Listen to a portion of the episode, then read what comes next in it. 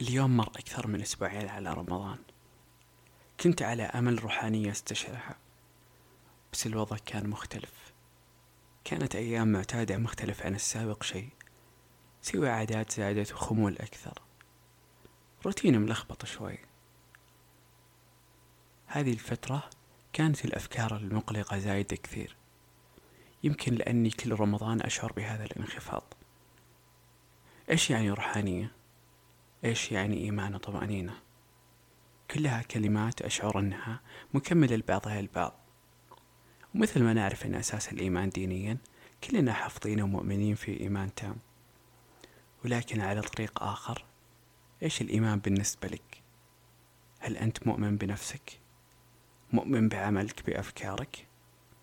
إيش الإيمان اللي تملكه ويخليك تسعى دائما؟ هل فعلا هذا الإيمان هو الشيء اللي مخليك على قيد الحياة اليوم؟ ليش نحتاج الإيمان؟ هل أنا وأنت قادرين على العيش بدون إيمان؟ أنت لما تولد ويقولون لك اسمك محمد مثلا هنا أنت آمنت بأن اسمك محمد لكن هل عندك دليل حي وملموس يخليك تؤمن بأنك محمد؟ لا أبدا حتى الهوية ما هي دليل صادق على هذا الشيء لأنك بثواني تقدر تغير اسمك فهل هذا يعني أنك تكون كائن آخر؟ هل يتغير كل شيء بتغير اسمك؟ بالواقع ما راح يتغير شيء أنت كما أنت جسدك وروحك وذاتك كلها كما هي بس هل هنا بيختلف إيمانك؟ بيختلف إيمان أنك شخص آخر غير محمد؟ منطقيا راح يختلف كنت مؤمن بأنك محمد واليوم صار اسمك مختلف. أكيد وأنت تسمع بتستوعب إنها أفكار عشوائية مليانة تخبط. أيوة هذا عقلي برمضان وقبل رمضان. كل هذه الأفكار العشوائية الملخبطة والشديدة تكركب عقلي باستمرار. ولا طالما كان الإيمان يشكل عقدة بالنسبة لي. عقدة غريبة. وطبعا هنا أنا ما أتكلم عن إيماني الديني. احترت كثير بمحاولة ربط الإيمان بالروحانية والطمأنينة. يقول دالاي لاما الروحانية هي خصال روح الإنسان مثل الحب والعاطفة والصبر الاحتمال والتسامح. هي مفهوم للتناغم والتجانب يجلب السعادة للفرد. يعني الروحانية ما لها تعريف صريح بس في كثير عرفوها بطريقتهم أو إيمانهم. عموما بمختلف التعريف أقدر أقول إن تعريفي أنا إن الروحانية هي أن تستشعر تستشعر كل جزء تعيشه تستشعر الحب العاطفة اللطف الحنية التلامس تستشعر كل ما هو جميل ويأسر الروح تستشعر حتى الألم بس المربك بالموضوع هل تحس بكل هذا؟ تحس بالروحانية؟ أو تحس إنك روح منزوع منها كل شيء؟ فكرت أسأل كذا شخص كيف أحس بالروحانية؟ في شخص مرة رهيب جاوبني وش تعريفك للروحانية؟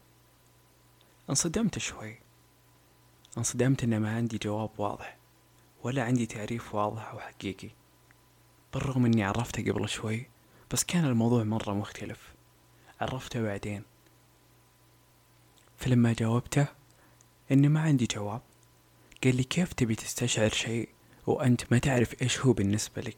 طبعا طبعا كنت متشوق الجواب وش تعريف الإيمان بالنسبة لك؟ وشدنا الحديث لين وصلنا للإيمان. جاوبني الإيمان هو شماعة كل شيء أسويه.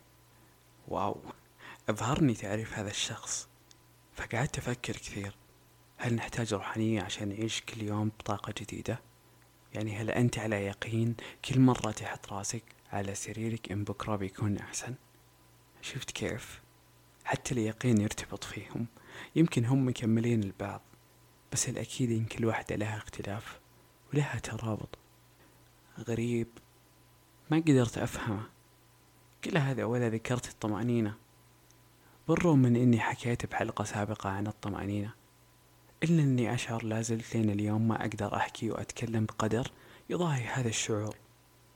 آخ يا الطمأنينة تعرف شعور أن تكون مطمئن؟ أحس أن الطمأنينة هي نقيض القلق والخوف مع بعض. يعني لو ما كنت تعيش هذين الشعورين بتكون مطمئن. أو غالبا بتكون مطمئن. مطمئن إن ألمك بيخف إن الحياة بتكون أحسن إن اليوم بيكون مختلف إن بكرة يوم جديد. يعني بطريقة غير مباشرة كلها تؤول لليقين. لما تفكر إن بكرة بيكون أحسن وعندك طمأنينة بذلك هذا يقين بحد ذاته. يخوفني كثير إن هذا يخفي يقيني وروحانيتي. يعني اليوم يخوف إني ما صرت أستشعر كل هذا. هل هذا قلق وخوف؟ تكون من إيش؟ يا الله يا كمية الأسئلة. كل يوم أتأكد أن الإنسان لولا الأسئلة اللي تنتزع طمأنينته وروحانيته ما كان عايش إلى هذا الحد. ما كان راح يسعى ويبحث عن الخلود. ولو ما كنت أفكر ما كنت راح أكتب أو راح أسجل أو أيا كان ما أفعل الآن. كل يوم أتأكد أن الإنسان لولا الأسئلة اللي تنزع طمأنينته وروحانيته ما كان عايش إلى هذا الحد. ما كان راح يسعى ويبحث عن الخلود. ما راح يبحث عن أفكار جديدة يعيشها كل يوم. وهذه مرة فكرة كبيرة. كأن نزعة البقاء فطرة انولد عليها الإنسان. هل فيه إنسان انولد بنزعة نحو الموت؟ يعني الفكرة يكون يبحث عن الخلاص بعكس ما يكون يبحث عن الخلود الأشخاص اللي يعانون من اكتئاب واضطرابات نفسية وعندهم نزعات انتحارية دائما يثير فضولي هذا الشيء هل نزعة الإنسان متغيرة؟ هل تؤثر فيها عوامل حياتية وجينية وإلى آخره؟ غريب مرة يعني حبوب ممكن قادرة على تغيير هذه النزعة متخيل؟ يعني اليوم أنت عندك نزعة نحو الخلاص ومجرد ما تاكل حبوب مضادات اكتئاب أو أيا كان ممكن تخفف من حدة هذه الفكرة. مرة مربك الموضوع. يا الله يا العقل. كل يوم أنذهل بكمية الأشياء اللي يفكر فيها الإنسان. وقديش العقل شيء جدا ضخم. ما نقدر نقيسه ولا نقدر نشوفه ولا نقدر نلمسه. شيء غريب فعلا. كتبت كل هذا تعبيرا لك. لعقلك اللي يرغب بالخلاص. تطمن. حتى صاحب هذا العقل يشاركك المعاناة